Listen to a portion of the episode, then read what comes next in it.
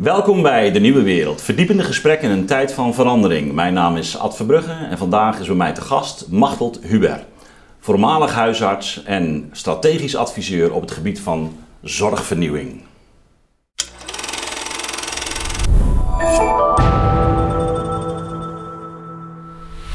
Machteld, van harte welkom. Dank je. Ehm, de directe aanleiding voor eh, de uitnodiging is een uh, artikel in uh, de Volkskrant. Waarin je eigenlijk een heel persoonlijk verhaal vertelt over hoe je tot een ander gezondheidsconcept bent gekomen. Positieve gezondheid. Nou, daar wil ik mhm. dadelijk nog uitvoerig op ingaan. Mm Dus het wordt het tweede deel van het gesprek. Maar wat ik zo bijzonder vond is dat je eigenlijk uh, ja, je eigen levensverhaal en ook de tegenslagen die je daarin bent tegengekomen, zelfs in zekere zin als inspiratiebron uh, neerzet of als een onderdeel van hoe je uh, zoiets als gezondheid uiteindelijk ook zelf bent gaan begrijpen. Mm -hmm. dat heeft nogal wat weerstand gekregen aanvankelijk, maar de laatste jaren wordt het nu door iedereen, nou, door velen wordt het omarmd. Nou, daar willen we naartoe.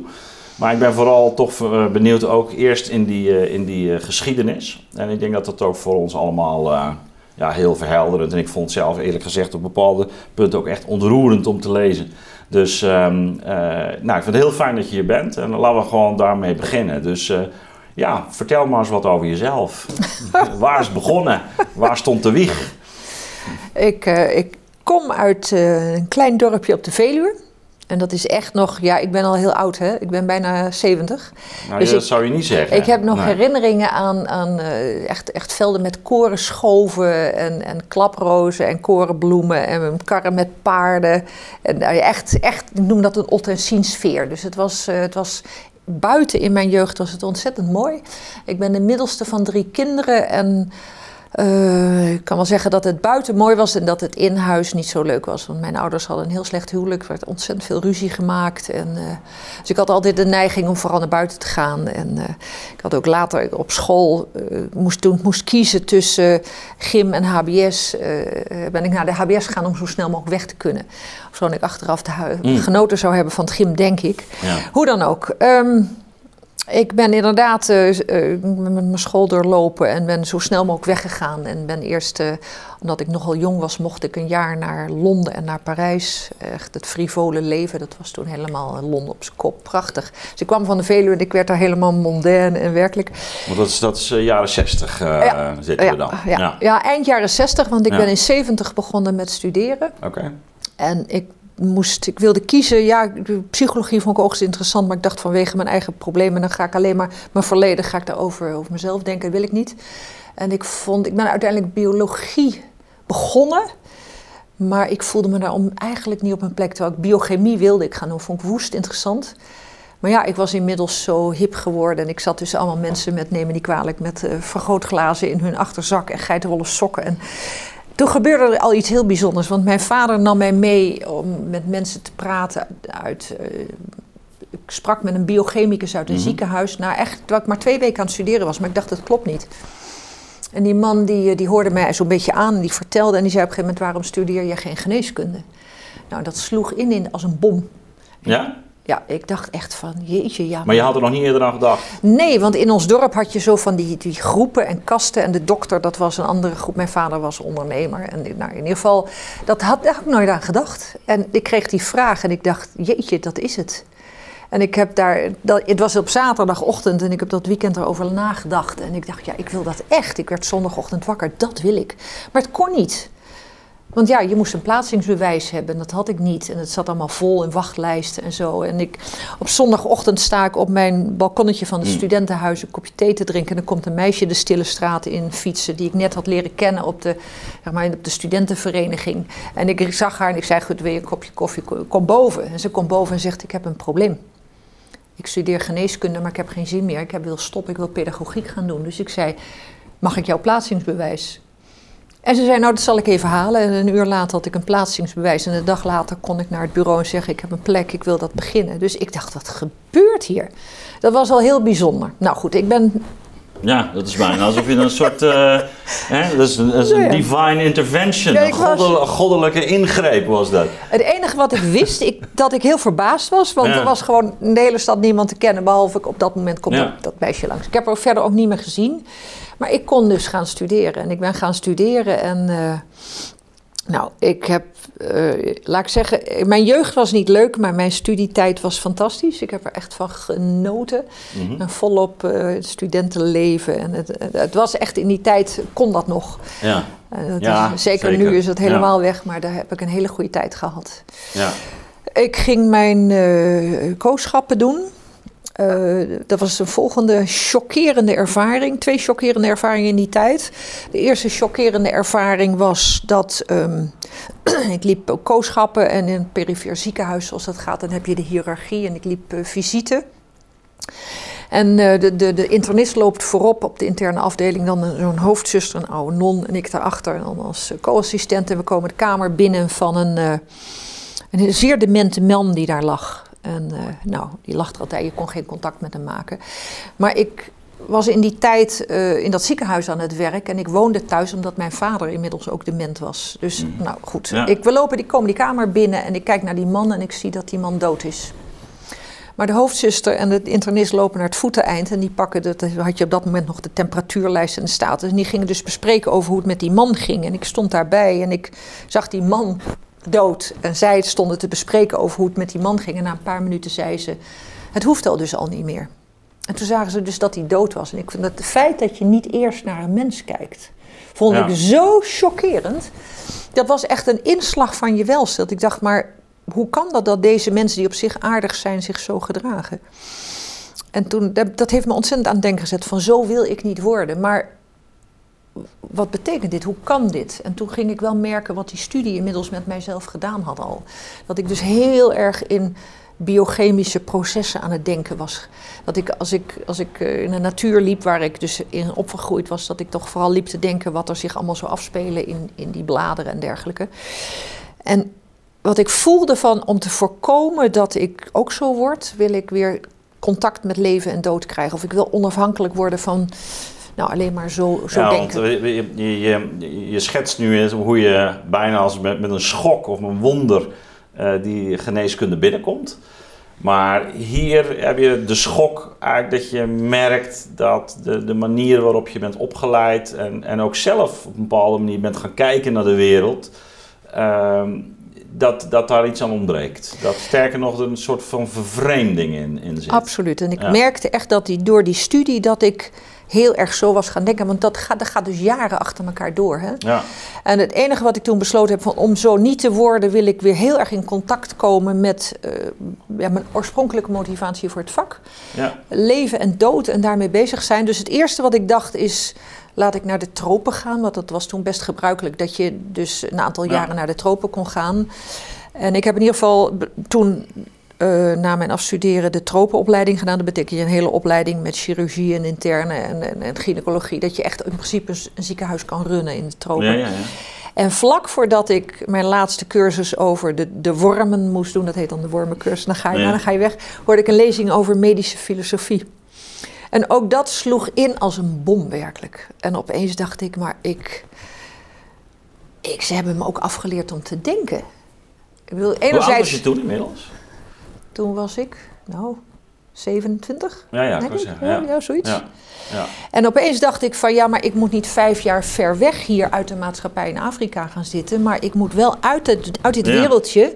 Maar ik ga filosofie studeren. Tenminste een periode om weer zelfstandig te leren denken. En omdat ik een kandidaat had, kon ik een, een zeer gecomprimeerde, omdat ik een doctoraal had, geneeskunde had ik al, kon ik een, een, een soort gecomprimeerde kandidaatstudie doen. Dus ik heb geloof ik uh, nou 14 maanden heel geconcentreerd, echt zo ja, alles, ja, alles van de filosofie tenminste leren kennen. De hele geschiedenis van de filosofie, alle specifieke vakken van wetenschapsfilosofie en ethiek en weet je wat. Nou, ik heb ervan genoten en ik kan het iedereen aanraden. Dus ja, dat... ja ik, ik, eh, kan, ik, kan het alleen maar bevestigen, eh, zonder meer. Nee, ik hoor het ook regelmatig van, van de eigen studenten. Wij uh, hebben op de, op de VU een opleiding, een master, en ik ben de coördinator ervan, een twee, tweejarige master, dus dat filosofie ja. cultuur en bestuur. Ja. En um, dat wordt eigenlijk met name gevolgd door studenten die daarnaast ook nog een andere master doen. Ja. En, en heel vaak ja, zijn ze dan toch op een goed moment in hun eerste studie uh, op dat punt gekomen van ja, ik wil toch dieper of wat is er nou gaande. Ehm, en die komen ze bij filosofie terecht. En dan, dan hoor je dus ook Ja. heel vaak van ja, dit is Ja. toch soort verademing om het, om het echt vanuit een andere ja, maar het kader was ook, ook... zo- ehm, echt verrijking. ja. Want ik had het gevoel van, van ik, ik kan weer or- origineel zelfstandig Ja. denken en ook naar mijn vak kijken. Want ik was dol op mijn vak wel. Dat bleef gewoon. Ja, kijk, het, het is denk ik in die zin ook relevant. Wat je zo schetst, zo'n tafereel aan een eh, ziekenhuisbed. We hebben nu net de, de toeslagenaffaire gehad. Ehm, eh, maar ik denk dat die toeslagenaffaire staat voor een eh, veel breder en, en groter maatschappelijk fenomeen. Waarin we eigenlijk eh, ja, vormen van rationaliteit zien, of operationalisering en procedures en protocollen. En inmiddels ook natuurlijk eh, heel de invloed van eh, digi- digitale technologie. Waarin ehm, ja, we eigenlijk dat eigen waarnemen en aanvoelen en wegen en het zien van de situatie. En je Ja. verplaatsen in iemand. Dat dat Ja. eigenlijk allemaal onder druk staat. Ja. En, en, dus dat we een type van ja, rationele verschraling eigenlijk aan het implementeren zijn met elkaar. Eh, ook op universiteiten, die eh, ertoe leiden dat we ook in de toekomst, en wanneer je niet fundamenteel nu je bezint ook op, op ja, hoe leiden we eigenlijk mensen op, eh, Ja. hoe zetten we ze Ja. in de maatschappij, dat je dat alleen maar zult herhalen. En het wordt gebracht als een toenemende Ja. efficiëntie. En dat brengt het vaak helemaal Nee. niet. Het brengt vervreemding. Ja. En als ik één ding heb gemerkt, is dat, dat het echt contact kunnen maken en het, het zelf waarnemen en ook je eigen ervaringen heel serieus nemen. Ja. Want ik hecht ontzettend aan wetenschappelijkheid. En wat ik ook zeg, wat met, dat, met, dat, met die filosofie leer ik werkelijk ook, ook zeg maar, ja, schijn en, en, en, en, en zijn eh, onderscheiden. En ik, ja, het heeft me ontzettend veel gebracht om heel erg exact te worden. En, en de dingen die ook misschien heel subtiel en subjectief zijn, om die ook goed te onderzoeken Ja, en maar, te dat wordt ook nogal eens miskend, hè? ook in het huidige debat rond de geneeskunde, zelfs rond, eh, rond corona. Niet om dat gesprek hier te gaan voeren, maar dat je natuurlijk vanuit juist een, een, een, een wetenschappelijke eh, instelling ook allerlei eh, vraagtekens kunt, kunt zetten bij bevindingen of bij, bij cijfers, zonder dat je zegt van dat is allemaal onzin. Maar de- je probeert juist, laten we zeggen, de blik te, te verruimen. En, en daardoor eigenlijk ook een breder perspectief eh, aan te dragen. Nou ja, jij werkt eh, stap voor stap. En dan, we gaan er nog niet meer naartoe, want er komen nog een paar belangrijke momenten in jouw leven. Eh, maar Ja. dat, is natuurlijk, dat wordt het gesprek wel. Hè? Dus, dus, en, en jouw levensverhaal vormt daar ook een, een onderdeel in. Dus, ja, maar toen naar, naar zo, ook zo'n rijker begrip van, van gezondheid en dus, en, en dus ook zorg. Ehm, maar voordat we daar zijn, we gaan, we gaan toch nog die stap terug. Dus, dus jij, jij eh, hebt die filosofie gedaan. Eh, hoe gaat het leven dan verder? Toen had ik besloten van, eh, ga ik nog verder na dat, dat toen kandidaat, zo'n bachelor. En toen dacht ik, nee, ik heb voldoende weer mijn eigen denken terug. En ik kan ook zelfstandig denken. En nu wil ik graag met de voet in de klei. En ik dacht, ik word huisarts. Want dan heb je direct, wat ik in de tropen ook zocht, het directe contact met leven en dood. En, en, en alle aspecten van het leven. Dat trok me erg aan.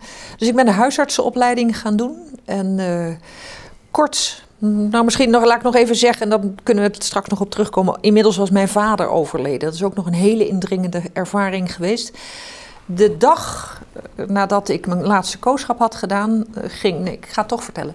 Mhm. Ging mijn moeder zou met vakantie gaan en ik was die tijd dus vanuit huis was ik dat, eh, die kooschappen aan het doen. Maar mijn moeder zou met vakantie gaan, want ze had een zware tijd gehad. Ik zou voor mijn vader zorgen.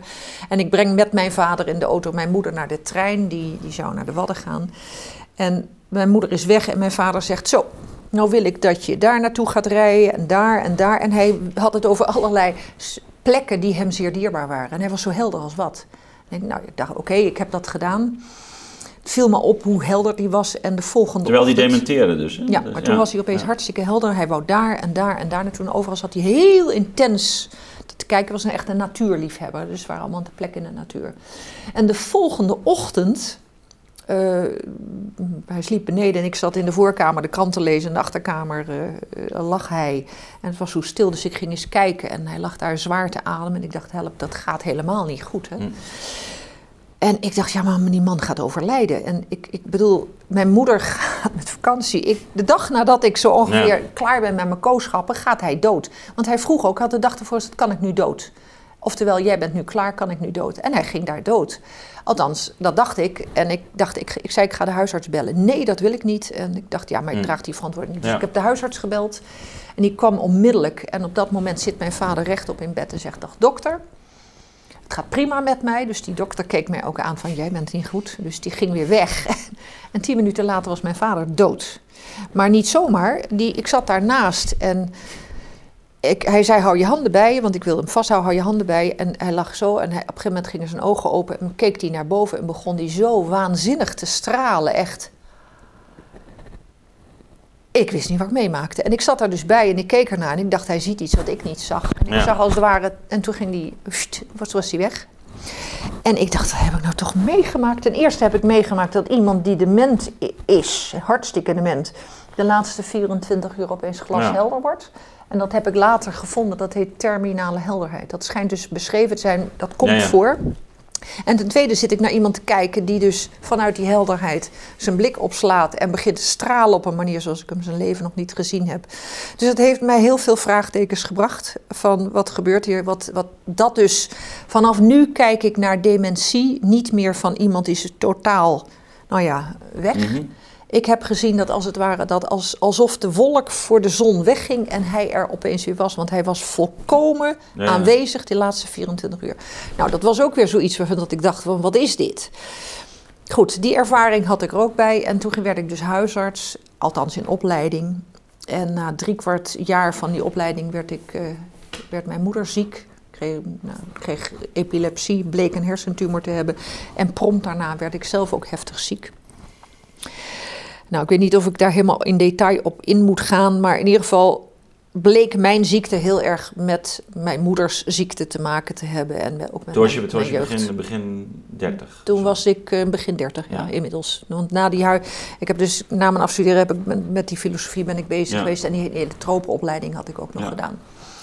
Nou, begin 30 en uh, hele ingrijpend. Ik ben heel heftig ziek geweest en met name heeft het me geleerd eh, daarna dat hoe sterk lichaam en geest samenhangen. Bij mij. Ja. Indrukwekkend. En dan, daarom benadruk ik ook, ik heb het niet eens genoemd, heb, ik ben ook nog in therapie gegaan aan het eind van mijn studie om mijn eigen jeugd te verwerken. Want ik dacht, anders kan ik niet goed met andere mensen werken. Dus ik was behoorlijk geoefend in het observeren van mijn gevoelens, ze kunnen doorleven. Ik was er heel kritisch op van wat verbeeld ik me, wat is echt waar. En mijn conclusie van mijn eigen ziekte was, het is niet zo zoals ik geleerd heb dat ik een lichaam heb en ergens bewustzijn, dat dat los van elkaar is of het bewustzijn is een product. Het doordringt elkaar volkomen. Het een, mijn lichaam had echt een soort, als reactie op mijn moeders ziekte is mijn lichaam ook ziek geworden. En, nou, dus, uh, nou ja, ons, onze, onze taal zit er natuurlijk vol met, met die uitdrukkingen. Welke? In de zin van, nou, dat, dat, iemands hart breekt, dat het je steekt, dat je het niet kunt slikken, dat je iets niet kunt verteren. Dat, uh, nou ja, bedoel, ga zo maar door. Maar wetenschappelijk ben ik in ieder geval anders opgeleid. Nee, en, nee zonder meer. Maar ik zeg ons, daarom al die uitdrukkingen. Ja. En je kent, ik bedoel, ik ken het in die zin zelf ook, uh, dat er echt wel momenten zijn dat ik, uh, nou ja, dus, dus, dus mijn, mijn moeder is uh, twee jaar geleden overleden. En ik heb op een gegeven moment echt ook echt heel fysieke pijn uh, gekregen. En dat, dat, dat bleek toch ook duidelijk. Ja, ik, ik wist dat ook. Weet je? Dus ik denk van. Ja. Hè, maar dat had ook alles te maken met toch ook met een soort ja, pijn, waardoor je verkrampt, waardoor weer nou ja, allerlei processen op, op gang komen. Ja. Hè, maar dat. dat en ik denk dat. dat de, in die zin, hè, wat, wat Heidegger zegt, die sprache is denkender als weer. Hè, dat de, de, de, taal natuurlijk en dat soort uitdrukkingen, daar zit natuurlijk ook een bepaalde wijsheid in. Absoluut. En, dat is, uh, en, en je hebt helemaal gelijk, dat is misschien uh, in, in, in, laten we zeggen, moderne of Cartesiaanse uh, gezondheidsbegrip, waarin die lichaam en geest al heel sterk gescheiden zijn, is dat natuurlijk ja, tot, tot, tot een soort bijgeloof verklaard. Ja, echt, echt, echt ook belachelijk. En natuurlijk, wij zijn ons brein, dat is heel sterk doorgetrokken. Extreem materialisme. Ja. En wat ik merkte aan mijn eerste ziekte, dacht ik van het vrek, het zit gewoon anders. Nou, ik werd weer beter, ik ging weer een stukje aan het werk. En toen kreeg ik een volgende ziekte. En dat is in totaal heb ik vier keer achter elkaar een hele verschillende ziektes gehad. En echt heftig. En vanaf mijn tweede ziekte ben ik als het ware me af gaan vragen: wat wil mijn lijf mij vertellen? Wat zit hier, Ja. zit hier ook wat in? En bij alle vier de ziektes is er uiteindelijk een soort. Als ik maar leefde met die vraag, ik moest dat niet doen, maar ik leefde dus voortdurend met de vraag: wat wil mijn lijf mij vertellen? Wat is dit? En op enig moment, en dat ging vaak lang overheen, kwam er opeens een inzicht dat ik 100% zeker met totale evidentie wist: dat is wat er aan de hand is. En op het moment dat ik dat werkelijk in mijn bewustzijn had en ook kon beginnen denken: dan, dan zou ik dus dat en dat moeten veranderen, ging die ziekte over. Nee, het is ja. echt. Nou, ik- doet, doet me denken ook aan het boek van Intimiteit van Paul Verhagen. Je, je kent het misschien. Nee. Het, het- het- het sluit hier helemaal op aan. Hè? Dus eh, ik, heb, ik heb hem ook eh, destijds dus nog bij Voor de Ommekeer eh, gehad. En ook een, een mooi gesprek. En ik een beetje vanuit mijn Grieks, Aristotelische, Platoons Aristotelische achtergrond. Over dat verschijnsel eh, nagedacht. eh, met hem in gesprek eh, gegaan. En Ehm, dat ging dus on- onder andere over wat, wat er in onze hedendaagse cultuur, hij is psycholoog, en wat, wat er ehm, in onze hedendaagse cultuur eigenlijk gebeurt, ook rond bepaalde ziektes, ziektebeelden. En ehm, eh, hij heeft ook vrij uitvoerig onderzo- onderzoek gedaan waarin hij eigenlijk die Amerika- Amerikaanse eh, stressonderzoeker Selye, eh, die, die eh, na de oorlog eigenlijk vrij wat onderzoek heeft gedaan naar ehm, stressverschijnselen, heeft hij een, laten zien dat we op een bepaalde manier in, in de hedendaagse cultuur eigenlijk de, de innigheid of de intimiteit met onszelf zijn kwijtgeraakt. Hè. Dus dat er schokken kunnen optreden in een leven die, ehm, die zo, ehm, eigenlijk, je zou kunnen zeggen, cultureel of geestelijk gebrekkig worden beantwoord. Mhm. Dat ze, omdat ze geen plek krijgen, Ja. dat ze dus in het lijf gaan zitten. Ja. En dus de- de- de- omdat we geen rituelen hebben, geen manier om daarmee om te gaan. Ja. En eh, dat eigenlijk de shock zo. Dat ze dus eigenlijk onder het gevoelsniveau, dat je het Ja. niet eens meer voelt. En Ja. dat het dus eh, in het orgaan terechtkomt. Ja, en en hij, heeft, hij schetst daar voorbeelden van. Ja. Eh, dus dat eigenlijk eh, dus de, de, de, de, de stress, hè, celje van het moment, dus onder het, onder het bewustzijnsniveau, onder de bewustzijnsdrempel. En dan in het lijf eigenlijk gewoon voortwoekert. Dat, het is heel, maar goed, dat, dat is dus... Nou ja, dat, dat, is, dat is wat ik aan mezelf heb onderzocht, of dat zo was. En ik was bereid om te voelen wat eventueel naar boven zou willen komen. Want Ja. het is niet leuk allemaal. wat Nee, dan nee. Maar daar nee. was ik sinds mijn therapie niet meer bang voor. Die had me, had me behoorlijk geleerd om maar, nou ja, maar te doorleven. Dus ik nodigde diepliggende dingen eh, uit om zich ja, maar te voelen, te, te, te tonen. En dat, dat kwam ook naar boven uiteindelijk. En dat gaf, ja, ik weet niet of je dat, dat kent, maar dat je op een gegeven moment iets beleeft waarvan je 100% weet van dit is het. Dat er een soort eh, ja, evidentiegevoel zit wat heel overtuigend is. In ieder geval was het zo klopte het dat als ik op het moment dat ik daar dan ook begreep wat ik dan moest doen, dat die ziekte ook overging. En dat betekent niet dat het allemaal helemaal psychosomatisch is. Ik bedoel, ik heb wel degelijk liet ik, werd ik onderzocht. Ik heb medische diagnoses ook wel gehad. En desondanks kon ik ze zo benaderen. Ik zeg niet dat het voor iedereen, maar dat, ik zeg ook niet van alles zit tussen de oren. Maar je kunt een relatie. Het ging mij erom om een relatie met mijn lichaam weer op te bouwen. En ook met die diepliggende lagen. En, Ja. en ik heb één ding, ik ben later ook nog gesteltherapeut geworden. Omdat ik enerzijds had ik het zelf ontdekt, maar ik wilde wel weten wat zegt het vak er dan over. Als ik één ding mensen altijd leer is, voel je, gevoelens willen gewoon gevoeld worden en doorleefd. En als je dat aandurft, dan lossen ze ook op, dan gaan ze ook weg. Maar goed, eventjes, dit, die, de Ja. ziektes kwamen. Ja. Dus het was eigenlijk tussen mijn 30 en mijn 35 ongeveer dat dat tot vier keer toe heftig eh trad, trad het volgende op. En toen was ik ongeveer beter. En toen dacht ik, ja, ehm, wat ga ik nu doen? Ik vond het huisartsenvak fantastisch. Maar ik dacht, ik, ik heb een vak wat anderen ook kunnen. Maar ik heb ervaring die anderen niet hebben. En die ervaring heeft mij zoveel geleerd. Ik ga toch proberen iets met mijn ervaring ervaringen te doen ten dienste van de zorg. Want mijn conclusie was, we zijn zo medisch gefocust. En Ja. ik ben opgeleid als een soort monteur die een auto kan repareren. En ik weet bij alles wat voor medicamenten ik moet geven. Maar vaak kan je, als je breder gaat kijken en als je met mensen in gesprek gaat... komen ze vaak zelf ook altijd te zeggen: Ik weet eigenlijk wel waar het mee samenhangt. En als je mensen dan kan helpen om daar iets mee te gaan doen, dat ze weer meester worden of grip krijgen op een stukje leven waar ze het van gevoel hebben. Door een shock is het me afgenomen, maar als je ze hm. helpt om daar weer grip op te krijgen, kan je vaak dat zonder medicijnen en op andere manieren. Dat is fascinerend. Ik, ik, ik, ze komen, schieten me een paar dingen te binnen. Eén uh, uh, is het eigenlijk uh, ook uh, het, het heiligdom van Apollo. Apollo die ook wordt gezien als geneesheer, waar uh, de, de zieke uh, de nacht doorbracht en moest luisteren naar zijn droom. Ja. En dat die droom hem kon vertellen wat de, de bron van zijn ziekte was. Hè. Dus, ja. dat is, dus daar, daar kom je eigenlijk al wat je zegt van luisteren. Ja. Dus als een, als een onderdeel van genezing. Hè. Dus dat de ziekte zelf eigenlijk ook niet alleen maar het dysfunctioneren is, maar voor een deel ook jou iets te vertellen heeft. Hè? Want dat is de, de, de en als je dat kan horen, levert, ja. het, levert het je ontzettend veel op. Ja. En nou, met name leert het je heel veel. Het heeft mij ontzettend veel geleerd. Ik ben er echt heel erg ook door veranderd. En, en dat is precies, ja. dat soort dromen, uh, tempel, slapen, hebben wij niet. Maar het is, merk, ik merk door maar gewoon me geduldig iedere keer maar met die vraag, dagelijks mezelf die vraag mijn lijf te stellen en daarmee te gaan slapen. Op een gegeven moment, opeens is het er. Is echt een soort, in een flits is er een inzicht dat ik weet, dit is het. Ja, uh, ik heb zelf ook, uh, dit is het tweede voorbeeld, bijvoorbeeld de ayahuasca-sessies meegemaakt. Eh, dus, dus, dat is ook een, ja. een um, ja, eigenlijk een, een medicijn, hè, ze noemen het ook uh, de mother. En het is echt een, uh, een medicijn wat tegelijkertijd natuurlijk een hele, ja, wij zouden zeggen hallucinogene werkingen heeft. Hè. Het woord drugs mag je eigenlijk niet gebruiken, maar sommigen noemen het wel zo.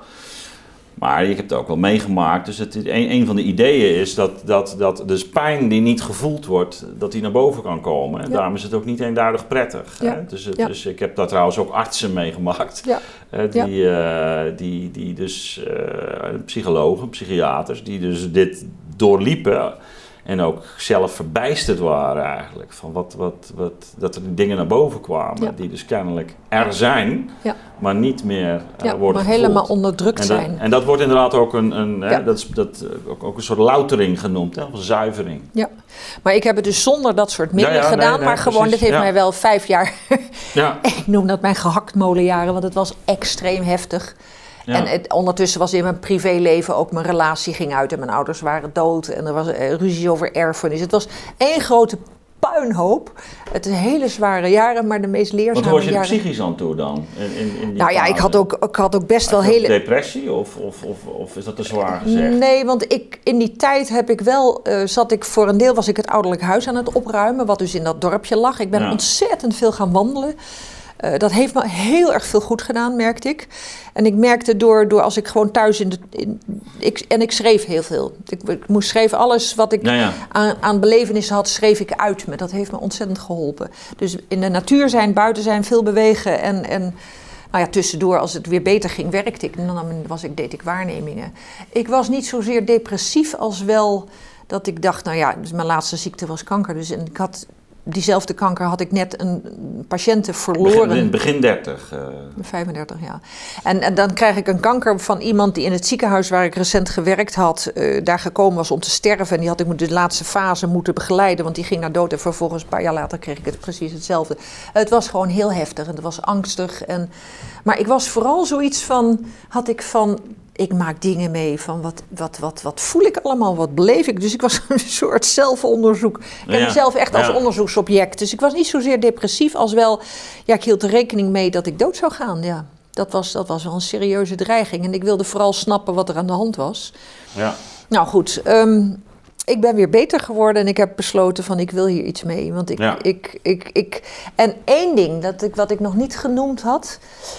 Ik ben natuurlijk opgegroeid, ik, ik, stam van kort na de oorlog. Mijn vader heeft ondergedoken gezeten en een van zijn beste vrienden was een bekende verzetstrijder. En die heeft jaren in een concentratiekamp gezeten. En het hele, de, de, de, de, de, de, dreiging van de oorlog was en de ellende was heel dichtbij. En ik ging als puber graag met die meneer uit het concentratiekamp praten over hoe overleeft een mens nou zo'n concentratiekamp? En, en uh, hoe blijf je daar ook nog gezond bij? Ja, ja, dus ik had ja. best wel. Ja, dat is ook een vraag die ik me ook wel eens gesteld heb. Hè? Als dat allemaal wegvalt. Ja. Alles, je comfort, maar ook eh, je, je hele basisveiligheid. Dus Hoe hou je dan staande? Ja, dat, dat was dus al, al vroeg was dat een vraag voor mij. En, en, en ik leerde van die man, die had het toen over van, ja, die had een missie. Voor hem was het koningin en vaderland. Maar hij zei, iemand die gaat voor iets, iets ergens voor gaan en zijn kameraden. Nou, En later in mijn studie ben ik Victor Frankl tegengekomen, de psychiater die zelf lang in kampen heeft gezeten. En dat is voor mij een soort eh, echt hele cruciale ontdekking geweest. Dat hij zei, man, de zin, de persoonlijke zingeving van mensen is de sterkst gezondmakende kracht. En of ze gewoon niet opgeleid was door Freud, met, waar het alles draait om seksualiteit. Adler zei nee, mensen willen macht. Victor Frankl zei de diepste behoefte van mensen is zijn, zingeving vinden. En dat heb ik door tijdens mijn ziektes ook aan mijzelf als het ware iedere keer onderzocht van wat is mijn zingeving dan en werkt dat ook en wat voel ik daaraan. En dat was dus een diepe overtuiging geworden dat het daarom gaat. En ik heb ook toen ik rond mijn 35 moest kiezen, word ik nou toch weer huisarts of ga ik iets met mijn ervaringen doen? Merkte ik van iets met mijn ervaringen doen is mijn persoonlijke zingeving, dus ga ik dat doen. En dat, ik had geen idee hoe en wat en waar dat ooit toe zou leiden, maar ik ben wel die weg opgegaan, omdat het voor mij persoonlijk vervullend was. Ja. En ik dacht echt van, ik zie wel waar het schip staat. Maar er zit ook iets van noodzaak in, hè? alsof je niet anders kunt. Op, op, op... Nou ja, dat was wel heel duidelijk dat ik dacht, dat ik kan, het, het vak vind ik fantastisch, maar als, ik, als huisarts, maar dan laat ik iets liggen. En, en het feit dat ik aan de gang ging met mijn ervaringen gaf ook een zin aan die hele zware jaren. Ja. Want reken, dat was niet leuk. Het was echt heel vreselijk. Maar het gaf tegelijkertijd, dacht ik, en misschien leidt dit tot iets. Het voelde als een soort noodzaak, inderdaad. Dat is wel, dat is wel mooi. Ehm, de, de psycholoog, filosoof James Hillman, die heeft dan ook een boek over uh, alchemie uh, geschreven. En uh, een van de hoofdstukken gaat over zout. En dat refereert ook aan een um, frase het Nieuwe Testament, hè, waarin het gaat over de christenen die het zout der aarde zouden moeten zijn. Hè? En wanneer het zout zijn smaak verloren heeft, wie moet het dan zouten? En, en, en, dat idee van zout, hè, zoals hij het ook oppakt, heeft binnen de alchemie. Hij duidt het eigenlijk ook als een, um, natuurlijk een, een, een, psychische transformatieproces. Hè, in die, en je kunt nog veel naar het zwarte en het donkerte en zo. Maar zout is een, een, een, een transformatie waarin hij zegt: ja, heel veel mensen maken dingen mee, maar ze, het wordt geen ervaring dus, dus, uh, en het, en het, het, het zout, waar, win je, waar, waar, waar krijg je nou zout door? Waar, wat, wat zout nu het leven? En daar zit natuurlijk ook in het bewaren. Hè? Hoe, wordt, uh, hoe wordt dat, de gebeurtenis bewaard? Uh, maar ook hoe krijgt hij eigenlijk zijn rijkdom aan smaak? Hè? Dus dat is ook ja. de. En um, hij zegt: ja, zout wordt gewonnen door bloed, zweet en tranen. Hè? Dus in de tranen zit ja. een bloed. Ja. En, en dus, hij, dus het is heel letterlijk allemaal. Hè? Dus het is in het bloed en het zweet en in de tranen wordt zout gewonnen. En dat, dat, en dat betekent dus dat, uh, nou ja, dan is het, onder andere het woord is een manier, hè, wie, zout, wie zijn taal heeft gezouten, heeft het in zekere zin door bloed, zweet en tranen. Dus heeft, er heeft iets gewonnen. Ja, je moet het echt doorleven. Ja. Dus ik ben wat dat betreft met huid en haar alles aangegaan. En dat, dat hoort er wel bij. Ja inderdaad. Ja, maar dat is precies dat proces. Ja, precies. nou, om het eh, niet te lang te maken, ik heb toen besloten van ik ga wat doen. Ik ga proberen dit uh, tot iets zinnigs voor de zorg te maken. En ik, één ding besluit was duidelijk, ik moet er wetenschap van maken. Want als, ik het, als het geen wetenschap is, dan wordt het in de, zorg, in de geneeskunde niet serieus genomen. En dan zitten we zo'n beetje rond eind jaren 80, jaren 90. Ja, dus mijn 35ste, ik ben mijn 35ste ben ik daar echt... Uh, ja, in 86 heb ik dat besluit genomen. Dus ik ben toen uh, onderzoeker geworden en daarnaast ben ik nog wel iets met, met, met mensen blijven doen, omdat ik dat zo eigenlijk, het, eigenlijk voel ik me primair therapeut. Ja, ja. Maar ik dacht, dan wil ik echt ook met, met zo beschadigd mogelijke mensen werken. Want ik wil kijken of wat ik ontdekt heb aan gezondmakende factoren, of dat, of dat lukt. Dus dat zijn een aantal jaren drugsverslaafden geweest. En later, een later stadium zijn mensen met oorlogstrauma's geweest. Want dat dacht ik, dat kon ik, dat, daar had ik wat mee. Gewoon de verslaafde vanwege mijn moeder die verslaafd was. En die mensen met oorlogstrauma's vanwege ook mijn jeugd, die contacten met dat, die meneer uit dat concentratiekamp. En daar heb ik, ben ik alleen maar bevestigd met wat ik zelf ervaren had, dat dat inderdaad ook echt helpt om mensen op te bouwen. Maar ondertussen was ik daarnaast onderzoeker. Mhm. En, ik En waar, waar deed je dat? Eh, het Louis Bolk Instituut. Dat geldt, staat als een heel klein, eh, wat, vroeger wat alternatief onderzoeksinstituut. Maar het Mhm. bijzondere was dat het multidisciplinair was. Met een grote landbouwafdeling. En ik zat in Oh, een oké. kleine afdeling met geneeskunde en voeding. En ik heb dus heel veel landbouwonderzoeken langs zien komen.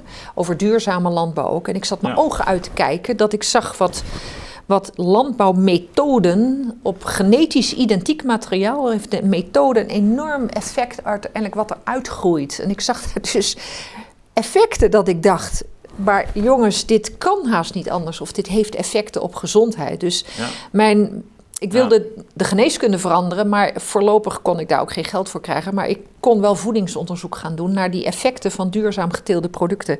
Nou, uiteindelijk heeft dat, om een lang verhaal kort te maken, geleid tot een hele grote onderzoeksopdracht van het ministerie van Landbouw. Om gezondheidseffecten, mogelijke gezondheidseffecten van biologisch geteelde voeding te onderzoeken. Prachtig onderzoek, kreeg eh, heel veel geld met TNO in Wageningen en Riekelt. En ik was dan projectleider en dat is een ontzettend mooi onderzoek geworden. En daar kwamen ook dingen uit. En toen heb ik dus meegemaakt dat helemaal op het allerlaatste moment opeens ik klemgereden werd. Want de effecten die eruit kwamen, die mochten we niet. eh, We moesten zeggen dat er niks uit kon komen. Dat was politiek allemaal ongewenst. Maar En dat, dus- dat, is, en dat is dan... eh, in 2008 is dat gebeurd. Oké, dus dat is, dat is daarbij dus heel lang inactief geweest ook in die... eh, Ja, ik, heb, ik zit, zat in allerlei onderzoeken van ja. epidemiologische onderzoeken met groepen kinderen van hoe die zich ontwikkelen. Maar dit was een heel groot onderzoek met dieren en meerdere generaties dieren. En met alle moderne technieken van immunologie en metabolomics en genomics. Nou, om je vingers bij af te likken. We hebben die dieren ziek gemaakt en het bleek Ja. dat de dieren die biologisch hadden gegeten, dat die zich sneller herstelden. En dat was dus politiek en wetenschappelijk ongewenst. Dus ik ben toen volledig wat je noemt kalt gesteld. En ik heb de minister die de opdracht had gegeven moeten zeggen, wij kunnen geen conclusies trekken. Nou, dat is een grote frustratie van me geweest. Maar ik heb, merkte ook van zo kan de wetenschap Ja. dus ook werken. Ja, nou goed, het, het is ook wel een lijn hè, binnen, binnen de, de nieuwe wereld. Marlies eh, Dekkers doet er veel aan. Ik heb zelf eh, ook een tijdje geleden zelfs nog met eh, eh, Barbara Baarsma dat ge- gesprek gehad. Ook eh, naar aanleiding van eh, haar boekje ook rond eh, de, eigenlijk, eigenlijk de verandering van de, van de landbouw. Hè, waarin we het ook over eh, hadden. En het, het- dat, dat dus allerlei gewassen eigenlijk veel minder voedzaam zijn geworden. Dat, eh, Ja. eh, de, de, de, broccoli, dat was nog het meest schokkende, had geloof ik 85% minder mineralen dan eh, 30 jaar geleden. Ja. Het is, eh, dat je echt denkt van waar zijn wij mee, mee, mee bezig? Ehm, en ik denk dat nu, nou, binnen de reguliere wetenschap misschien nog niet zozeer, maar toch in de, in de publieke ruimte, dat dat, dat belang van, van voeding en levensstijl, dat dat toch enorm zich aan het opdringen is. Hè? Maar voordat je beleid veranderd krijgt, Ja. moet het allemaal wetenschappelijk onderbouwd zijn. Maar laat ik zeggen, ik werd dus geblokkeerd. Ik mocht met Maar jullie onderzoek niet verder. gedaan. Ja, maar Ja. dat is dus, ik heb het wel gepubliceerd met allemaal, dus het is heel positief beoordeeld. Maar het beleid is, was van mega eh, productie, eh, wereldexport, Ja. weet je wel. En het mooie is, achter, ik ben dus echt pisnijdig over geweest. Ik ben daar echt heel depressief van geweest. Maar ik mocht niet met dat onderzoek verder. Maar ik heb toen besloten, en dat was ook weer zo'n bijzondere omstandigheid. Maar van wie mocht dit niet? eh, de, de Gezondheidsraad, althans de Voedingsraad. De voedingsraad. Die heeft het afgeraden. Die heeft gezegd: we weten toch dat er niks, dat het geen effect heeft. En tegelijkertijd, eh, maar ik ben toen niet gehoord, maar ik had wel contact gezocht met de voorzitter van de Gezondheidsraad. En omdat ik, ik zag, ik had veerkracht aangetoond. Mhm. Bij die dieren die herstelden zich sneller, maar ik mocht veerkracht geen gezondheid noemen. En ik, heb dat, ik ben in gesprek geraakt met de voorzitter van de gezondheid. Dus de vicevoorzitter die heeft gezegd: dit onderzoek moet niet verder. Maar de voorzitter, daar ben ik mee gaan praten over het feit dat je veerkracht toch gezondheid zou moeten noemen. En die herkende dat. En die heeft mij gestuurd naar Den Haag, waar ik ook met een aantal mensen heb gesproken. En iedereen zei opeens: ja, maar die definitie van de Wereldgezondheidsorganisatie is een gewoon een groot probleem. Ik weet niet of je hem kent, maar gezondheid is een toestand van compleet welbevinden, lichamelijk, psychisch en sociaal, en niet de afwezigheid van ziekte en gebreken. Heel idealistisch geformuleerd in 1948, maar wie voldoet eraan dat je compleet welbevinden op al die terreinen? Ja. ja omdat ze het nou definitie zitten. Het is, het is de cruciaal. Het ligt een beetje natuurlijk in, in de mensopvatting ook uh, van, uh, laten we zeggen, het utilitarisme. Mm -hmm. waarin uh, het, the greatest happiness bestaat in een maximum van genot en een minimum van pijn. Ja. Ehm, terwijl natuurlijk de voorbeelden die je zelf nu net aanhaalt in je eigen leven, dat dus uh, juist de pijn, en we hadden het net ook over het zout, juist ook het dysfunctioneren een onderdeel kan zijn van verrijking en van noodzakelijke ontwikkeling. Ook groeien doet pijn. Ja. En soms moet je gewoon door iets heen. Ja. En op dat moment dat ik dus gedwarsboomd met, werd met dat voedingsonderzoek, ben ik dat begrip gezondheid ter discussie gaan stellen en kreeg ik een totale herkenning bij de gezondheidsraadvoorzitter bij Den Haag, Sonnenwee. Die zei je. Jij kaart het aan, maar wij hebben een groot probleem met die definitie. Dus organiseer een invitational conference. Dus de tijd was het volledig rijp voor. Ja, maar niet voor dat voedingsstuk, maar wel het begrip gezondheid. en als ik niet dwars gezeten was met het vervolg van dat voedingsonderzoek, was ik nooit op het spoor van de definitie van gezondheid gekomen. En ik ben daar dus mee aan de gang gegaan. Dat is een, een, een klapper van een congres geworden. Dat is een publicatie waar die de voorkant van de British Medical Journal heeft gehaald. Daar heb ik later de voorkant van mijn proefschrift van gepikt. Dat was hier stond dan British Medical Journal. En zo is het gepubliceerd. En daar dat was ten eerste dat het, we hebben toen gezegd, gezondheid is het vermogen om je aan te passen en je eigen regie te voeren in de uitdagingen van lichamelijk, psychisch en sociaal gebied. Dezelfde domeinen als de WHO, maar niet de toestand van het complete welbevinden. Maar op al die terreinen wordt het leven, word je door het leven voortdurend uitgedaagd. Kan je daarmee omgaan? Dus precies dat, dat je dus uit tegenslagen ook je, je, zeg maar, je zout kunt, je kunt daar bovenuit groeien. Zo hebben we gezondheid gedefinieerd. Of althans, we hebben zelfs gezegd het is een concept, maar goed. Dat was het eerste. En toen kreeg ik een vervolgopdracht: ga dit nou eens operationaliseren.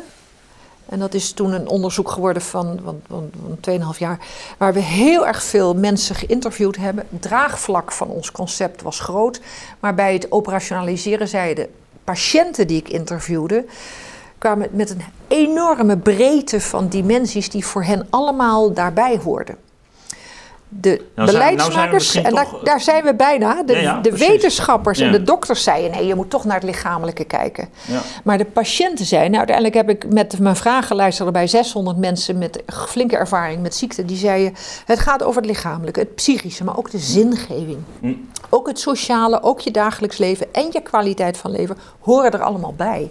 Ja, nou, ja waar, waar, kijk, waarom ik er zo enthousiast uh, ook van was toen ik, uh, toen ik het zag, is omdat ik uh, vanuit zoals die Griekse wereld eigenlijk ook al jaren bezig ben met ehm, het concept van ethos, zo heet ook zeg maar, onze centrum, het centrum ethos aan de, aan, aan de VU. En dat ethos heeft eigenlijk die dubbele betekenis. Dus het is zowel ehm, mijn gewoonte of houding, je, je hexis, zoals het in het Grieks heet, als ook uh, je woon- of verblijfplaats. Dus het is eigenlijk mens en wereld. Ja. En um, de, de, de, de, Grieken kijken ook bijvoorbeeld naar het gezondheidsvraagstuk al veel meer vanuit ethos. Dus, en iemand als diezelfde Hillman, waar ik het over had, die spreekt bijvoorbeeld ook over ziekte in termen van een, een gebouw kan ziek zijn.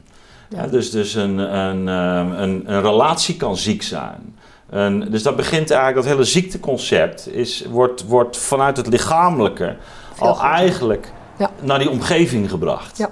En, en uh, hij, in, in, die, in die context spreekt hij zelfs van de anima mundi, hè, het Platoonse idee van wereldziel. Ja. Uh, alsof, alsof dus de, de, de, nou ja, dat waar jij van in de band bent, uh, iets, iets kan zijn wat ja, inderdaad met je ouders met je, of met je werk te maken heeft. Dat je gewoon ziek wordt voor je werk. Ja.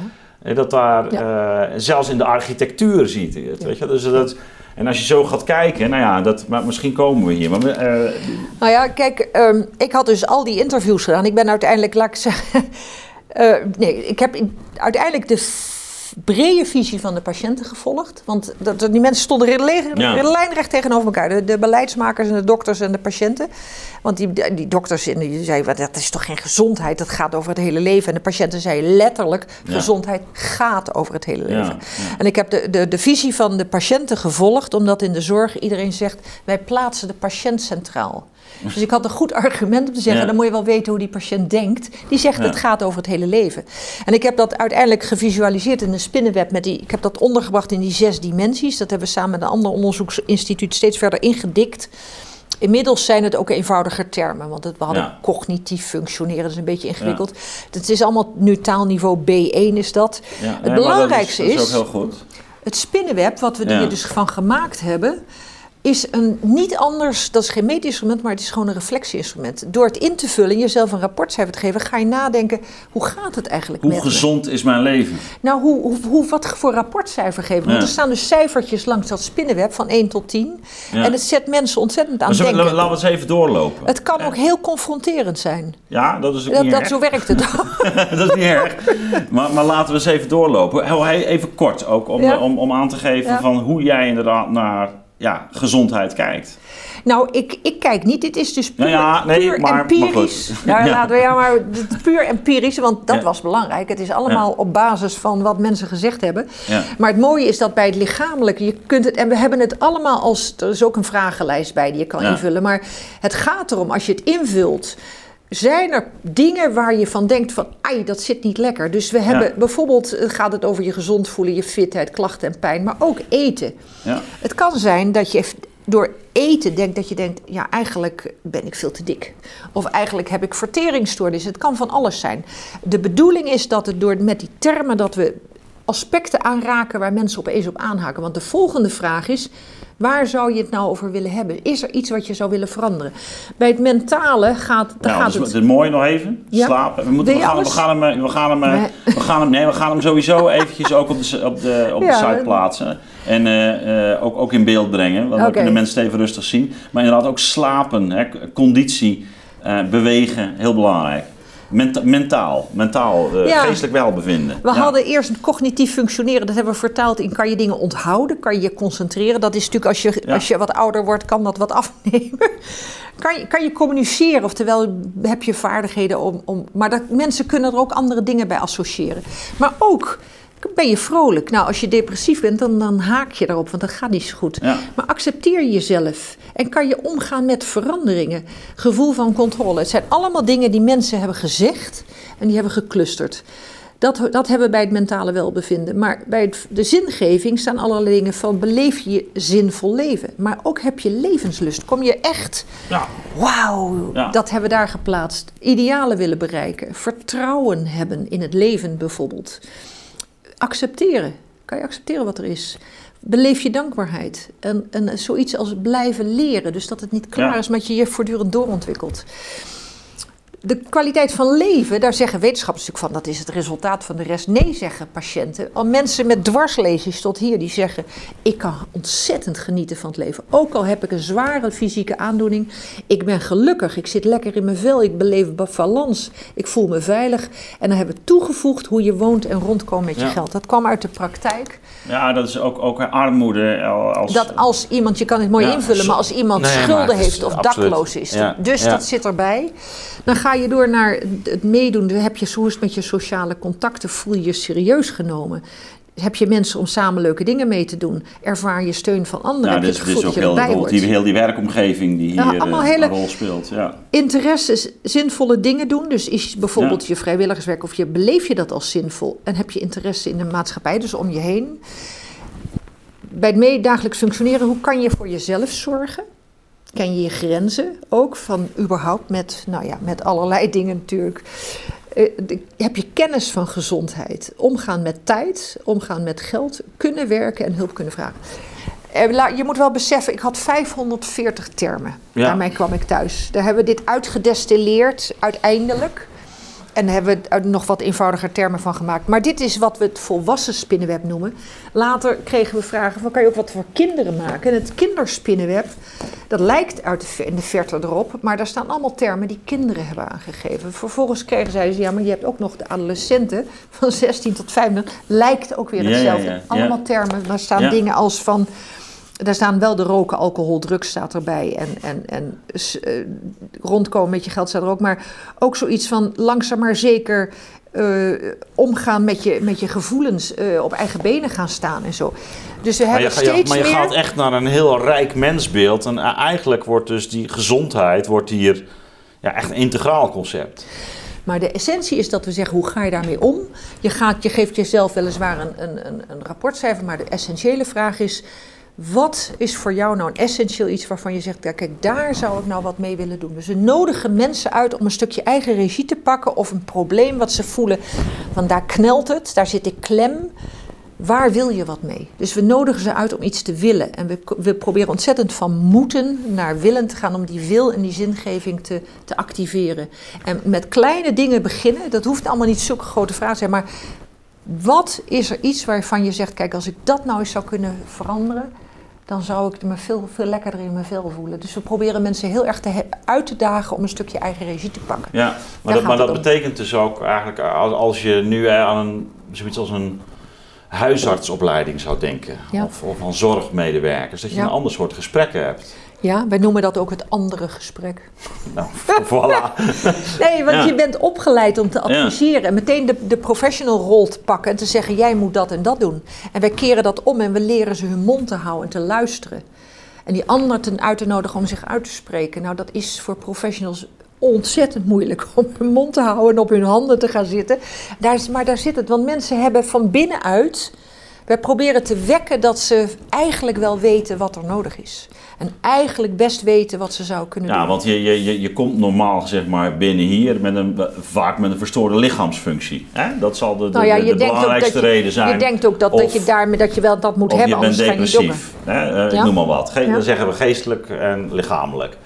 Um, ja, jij hebt natuurlijk zelf die, die aandoeningen gehad, het, het verhaal dat je vertelde. En je zegt eigenlijk, ja, dat was ook een. Dat was eigenlijk het begin voor mij van een, om na te gaan denken ook. Ja. En is dat, is dat eigenlijk ook het, dat we zeggen, die positieve gezondheid? Niet van ik heb die kwaal en het moet behandeld worden, maar ik moet op een bepaalde manier in beweging komen op deze gebieden. Nou, als je het invult, en ik vul het om zelf om zoveel tijd te zien, omdat ik het leuk vind, maar je merkt dat het heel erg momentgebonden is en dat er, als je dit invult, dat, er, dat je bij iets een soort iets voelt. Ja. En dat kan een paar maanden later iets heel anders zijn. Maar het gaat erom dat je wakker blijft en dat je, dat je probeert toch die eigen regie een stukje te pakken, omdat je je daar beter bij voelt. Die locus of control, noem je dat psychologisch, ja, je die van binnen hebt. Ja, ja ook, ook handelingsvermogen. Ja, van ik kan iets doen. Ja, precies. En het, het, ik herken dit vanuit mijn eigen ziek zijn. Maar ik heb het via een hele lange wetenschappelijke route, heb ik dit wetenschappelijk onderbouwd, uh, gepubliceerd, gepromoveerd. Ja. Ligt hier wat ik zelf ervaren heb. En die hele lange weg ben ik gaan lopen doordat ik zelf ziek was, omdat ik dacht het moet breder. En dan doe je er 30 jaar over voordat er mensen opeens zeggen dat dit er ligt, wetenschappelijk onderbouwd. En dat de wereld zegt, ja maar dit willen we, want dat is wat er nu gaande is. Dat iedereen zegt, dit moeten we toevoegen aan, aan wat je als, als medicus kan. Want het is prima dat je, dat je hoge bloeddruk kan behandelen, suikerziekte, hartinfarcten. Als het nodig is, moet je ingrijpen. Maar als het niet zo dringend is, kan je veel beter eerst in gesprek gaan van wat denk je dat je kan doen. Maar ja, precies, want dat, dat, dat, valt, dat valt me dus ook op. Hè? Dat, dat, uh, het, hele, het, klassieke beeld van uh, je bent ziek, dat betekent dus dat, dat, je, dat je behandeld moet worden. Hè? Dus, ja, dan ben je dus... Uh, dan ben je dus eigenlijk het slachtoffer. Ja. Uh, en en wat, wat jij of jullie inmiddels dan uh, ook voorstaan, dus ook veel meer eigenlijk te gaan kijken van wat, uh, wat kun je wel, of wat kun je nog wel, of wat kun je zelf, of wat. Ja, en, en breng in kaart, probeer bewust te worden, probeer te voelen ja. waar, het dan, waar het ligt, om, om jezelf eigenlijk ook, ook gewoon ja, het idee weer te, te, te hebben dat je. Dat je ehm, zelf iets daadwerkelijk kunt doen.